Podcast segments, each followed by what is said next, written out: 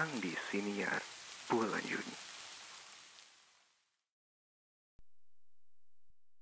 Perkara ini kembali ramai setelah beberapa kasus mengenai S-word atau yang kerap disebut suicide meningkat akhir-akhir ini.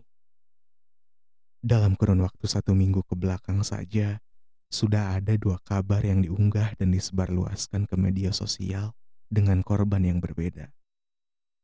Para korban meninggalkan tutur kata berupa surat yang berisi permintaan maaf dan rasa terima kasih. Itu membuat saya cukup terpukul saat surat-suratnya tersebar luas di media sosial. Entah apa yang mereka tanggung sehingga mampu untuk membulatkan tekad untuk pergi dan tak kembali. Saya tentu sangat menghormati pilihan mereka dan saya pun turut berbela sungkawa yang sebesar-besarnya. Namun beberapa hari setelahnya saya menemukan fenomena yang tidak lagi asing, namun masih tetap menarik buat saya pribadi setidaknya. Pro kontra perihal S-word itu sendiri. Dalam platform X dan TikTok, saya kerap menemui komentar-komentar yang menurut saya terbilang pedas, terkesan nir empati, dan mempecundangi mereka yang telah pergi. Orang yang melakukan tindakan S-word adalah orang yang paling egois, ujar postingannya. Kemudian diikuti komentar-komentar yang mendukung postingan tersebut dengan mengatakan bahwa orang yang melakukan tindakan S-word itu menyusahkan orang lain. Dan di tempat lain, ada orang yang membandingkannya dengan anak kecil yang berjualan donat hingga larut malam.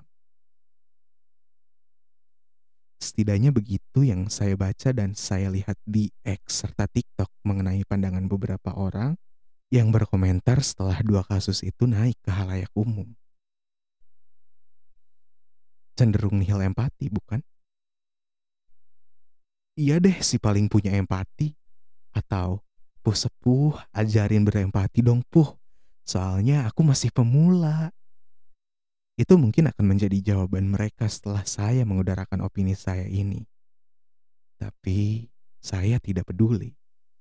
Bila mereka bisa beropini, maka begitu pun dengan saya. Egois? Bentar-bentar.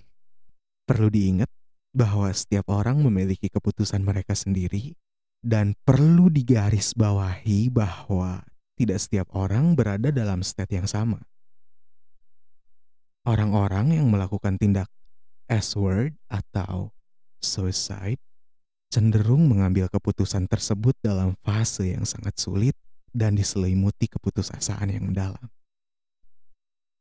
Saya meyakini bahwa orang-orang yang melakukan tindak S-word pun pasti pernah berusaha untuk tetap mengada serta mencoba untuk mengatasi tekanan dan penderitaan yang mereka alami. Namun sayangnya dalam pemikiran yang keruh dan tak mendapat dukungan dari pihak mana pun, mereka menilai bahwa jalan keluar nggak hadir di sini. Menyusahkan. Lantas, apa bedanya dengan orang yang meninggal pada umumnya?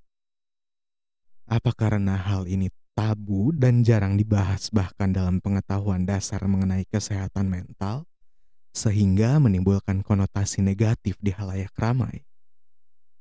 Sedikit ironis, bila melakukan tindak S-word dengan faktor eksternal mendapat perlakuan sebagaimana umumnya orang meninggal, namun orang-orang yang melakukannya dengan motif internal seperti kedirian dan masalah mental cenderung berkonotasi negatif dan dihinakan.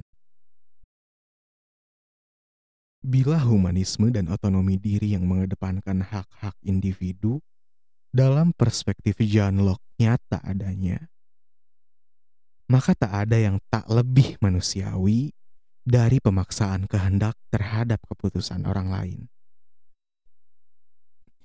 Lingkungan sosial kita secara garis besar sudah terlanjur menanamkan prinsip bahwa membincangkan suicide dan hal-hal negatif adalah sesuatu yang tabu sekaligus tolol dan terbilang rendah sekaligus inferior.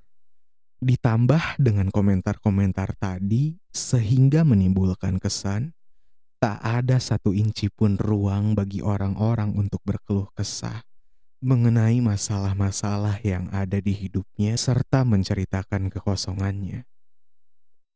Dengan ketiadaan ruang bagi orang-orang untuk bercerita, maka akan meningkat pula potensi S-word. Tempat bercerita mungkin bisa menjadi bare minimum, atau juga bisa dikatakan cukup bagi beberapa orang untuk meredam tekad mereka untuk melaju ke langkah yang lebih jauh. Namun bila bicara mengenai kecukupan seseorang, tentu standar mereka beda-beda. Karena cukup adalah sesuatu yang sangat personal. Ada pula orang yang mungkin bercerita saja tidak cukup. Mengapa demikian? Karena ketika seseorang sedang bercerita soal keluh kesahnya, dan seseorang yang mendengar ceritanya hanya akan merasakan duka lara tersebut dalam semacam simulasi impuls emosi dalam bentuk empati, bukan benar-benar secara langsung dan intens mengalami.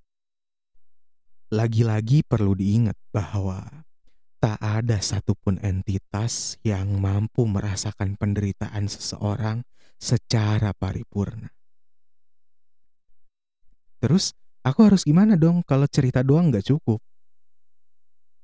Jawaban lainnya adalah dengan ngebantu temenmu itu buat ningkatin dopamin dan serotoninnya. Mungkin gambarannya sesederhana kamu nge-reach out temenmu itu buat pergi jalan, mau jalan kaki atau berkendara, dengerin musik bareng, olahraga bareng, ngerendam bareng, atau juga kegiatan lainnya yang bisa ngurangin stres.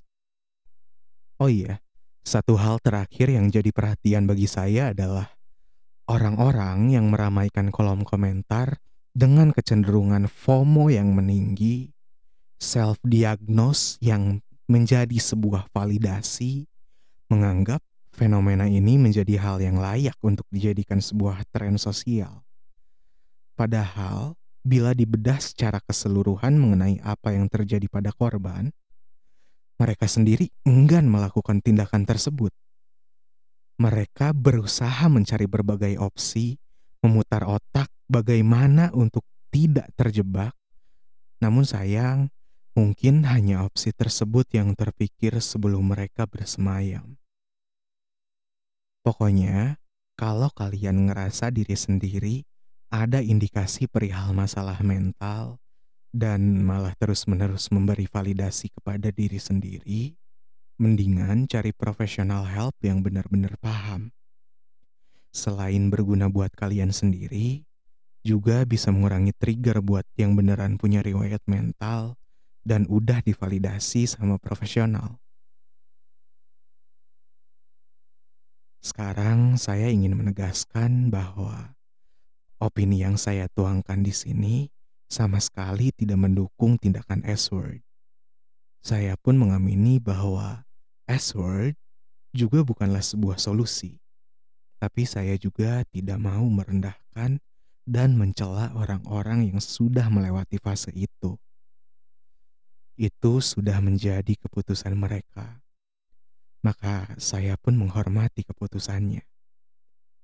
Di sini saya murni ingin meningkatkan kesadaran, empati, serta mendukung orang-orang untuk menjadi lebih positif dalam mengambil tindakan pun dalam memperlakukan orang-orang. Buat kamu yang lagi stres, ditekan sana-sini, dan merasa dirimu tak ada lagi gairah, sekarang mungkin udah waktunya buat membuka diri ke temen yang bisa kamu percayai. Dan kalau nggak ada satupun yang bisa kamu percaya, saya akan melampirkan sebuah kolom pada episode ini yang bisa kamu pakai secara anonim di bawah deskripsi episode ini. Dan untukmu yang ngambil peran jadi seorang temen, kalau ngelihat ada orang di sekitarmu yang punya indikasi ke arah itu tadi, segera reach out sebisa mungkin ya. Jangan dibiarin, Karena semakin seseorang terintegrasi sama lingkungan sosial, maka semakin kecil pula kemungkinan seseorang tersebut untuk melakukan tindakan S-word. Sekarang, gak perlu nyalahin satu sama lain di sini. Setiap orang punya kehendaknya sendiri-sendiri. Yang masih bisa survive pun bisa mensyukuri apa yang datang ke dirimu sendiri, dan yang sudah melewati itu hanya bisa kita hormati keputusannya.